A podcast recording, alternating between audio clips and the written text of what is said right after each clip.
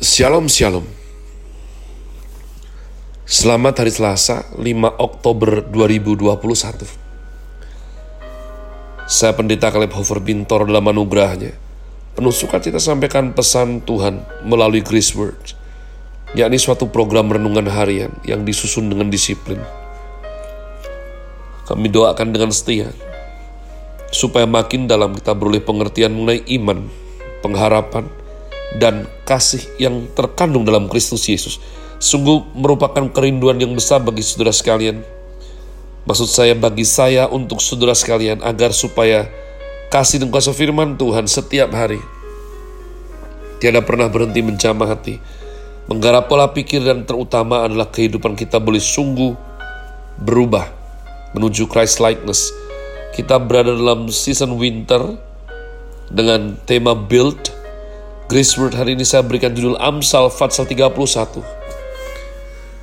Amsal Fatsal 31 berarti kita ada di penghujung daripada kitab Amsal yakni Fatsalnya yang ke-31.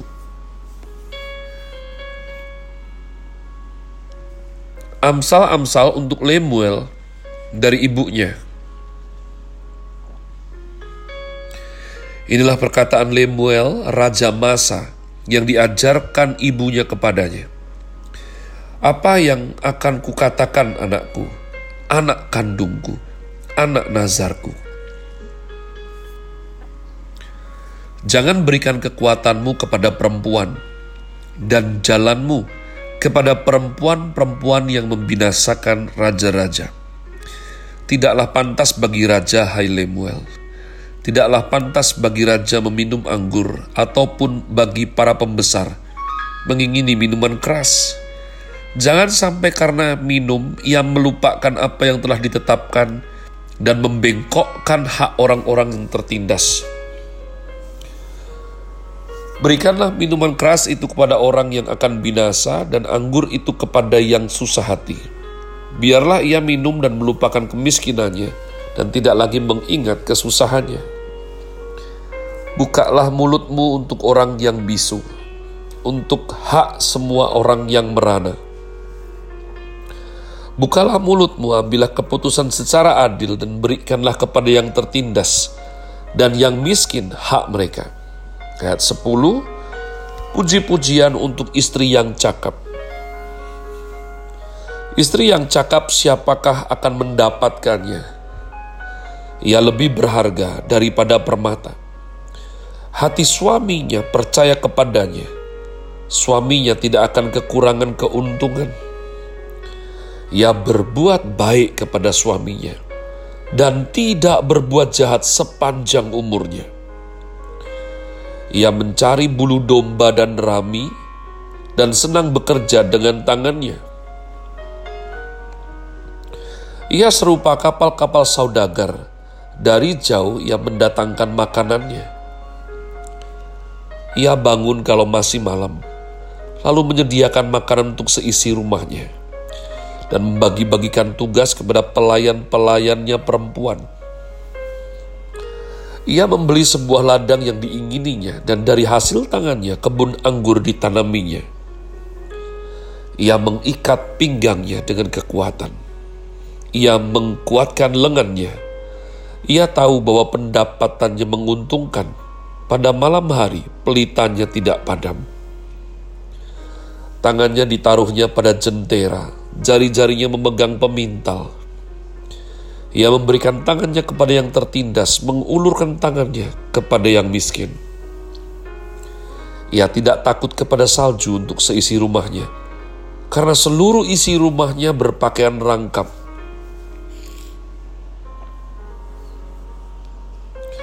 Ia membuat bagi dirinya permadani, lenan halus dan kain ungu pakaiannya. Suaminya dikenal di pintu gerbang kalau ia duduk bersama-sama para tua-tua negeri. Ia membuat pakaian dari lenan dan menjualnya. Ia menyerahkan ikat pinggang kepada pedagang. Pakaiannya adalah kekuatan dan kemuliaan. Ia tertawa tentang hari depan ia membuka mulutnya dengan hikmat. Pengajaran yang lemah lembut ada di lidahnya. Ia mengawasi segala perbuatan rumah tangganya. Makanan kemalasan tidak dimakannya. Anak-anaknya bangun dan menyebutnya berbahagia. Pula suaminya memuji dia. Banyak wanita telah berbuat baik, tetapi kau melebihi mereka semua. Kemolekan adalah bohong dan kecantikan adalah sia-sia. Tetapi istri yang takut akan Tuhan dipuji-puji. Berilah kepadanya bagian dari hasil tangannya. Biarlah perbuatannya memuji dia di pintu-pintu gerbang. Umat Tuhan pasal 31 kitab Amsal ini merupakan risalah penulisan yang sangat indah sekali mengenai seorang istri yang takut akan Tuhan. Ini merupakan beban tersendiri buat wanita zaman modern yang egois yang belum mengerti bentuk keseimbangan antara mengikut Tuhan dan implementasinya dalam hidup sehari-hari.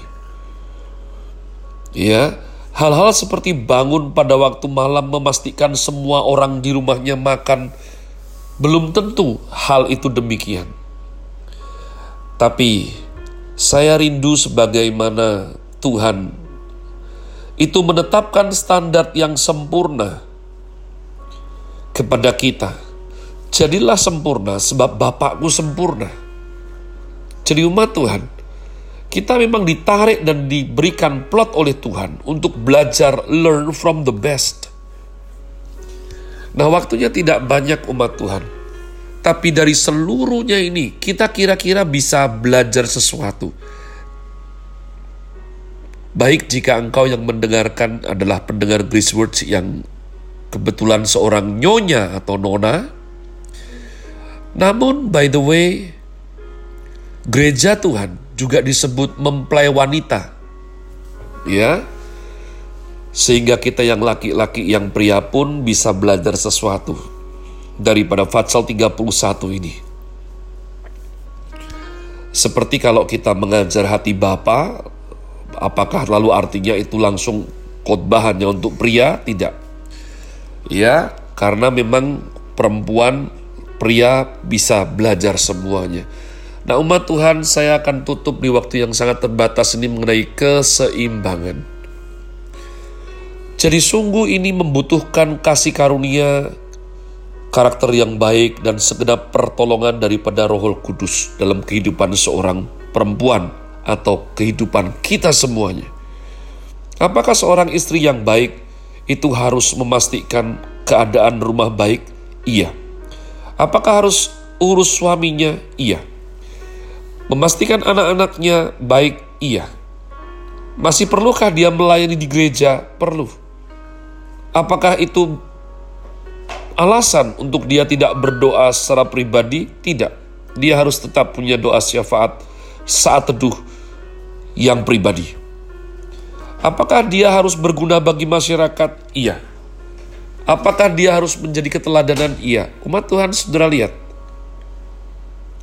Seolah-olah keseluruhannya itu begitu berat umat Tuhan. Itulah kenapa kita bersandar kepada Tuhan. Ya, Demikian juga kita sebagai mempelai wanita Kristus.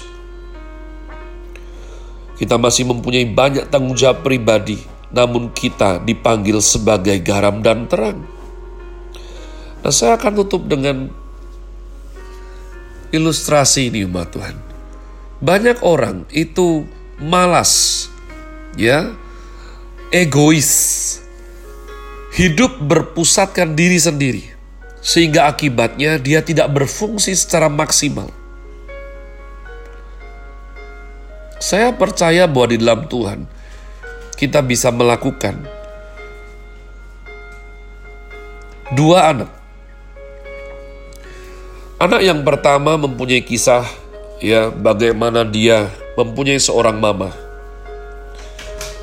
yang terpaksa meninggalkan dia dari pagi sampai malam bekerja, bekerja, bekerja banting tulang. Menyekolahkan anaknya dengan pantas, menikahkan, dan ketika anaknya sukses, dia berkata, Mama, terima kasih. Engkau berjuang begitu hebat bekerja membesarkan aku sendirian. Ini saatnya aku membalas cinta kasihmu. Aku akan memensiun engkau, merawatmu ya mama, memberikan engkau bulanan. Kau tidak perlu bekerja lagi. Kisah kedua, ya seorang mama yang berkarir bagus, memutuskan untuk keluar dari pekerjaannya dan memilih untuk mengurus anaknya. Suatu hari anaknya berkata, "Mama, terima kasih. Kau ada untuk aku. Bahkan engkau korbankan karir yang kau sukai untuk ada mengasuh, membesarkan aku. Terima kasih. Di saatnya aku membalas cinta kasihmu. Nah umat Tuhan, dalam dunia yang sesungguhnya, saat konseling saya mempunyai beberapa komplikasi mengenai dua cerita tadi ada orang-orang yang hancur, berkonflik, bermasalah dikarenakan gak pernah dirawat mamahnya. Dia mengaku, Pak Pendeta, saya dari kecil gak punya figur mama. Karena mama saya terlalu sibuk kerja. Lalu yang satunya lagi berkata bahwa, Pak Pendeta, saya justru dirusak oleh mama saya. Karena mama saya itu membesarkan saya di rumah, tapi terus bercerita mengenai keburukan papa saya. Nah, jadi umat Tuhan, kita lihat di sini yang penting itu apa? Yang penting bagaimana kita bisa memenuhi semua fungsi yang seolah-olah berat sekali ini umat Tuhan. Kata kuncinya adalah takut akan Tuhan seorang istri yang takut akan Tuhan. Kemolekan adalah bohong, kecantikan adalah sia-sia, tetapi istri yang takut akan Tuhan dipuji-puji. Karena takut akan Tuhan permulaan bijaksana. Takut akan Tuhan permulaan hikmat, permulaan knowledge pengetahuan. Jadi, ketika kita takut akan Tuhan, Tuhan akan berikan kita hikmat strategi sehingga kita boleh memenuhi fungsi yang memang merupakan panggilan hidup kita masing-masing. Have a nice day. Tuhan Yesus memberkati saudara sekalian. Sola, gratia.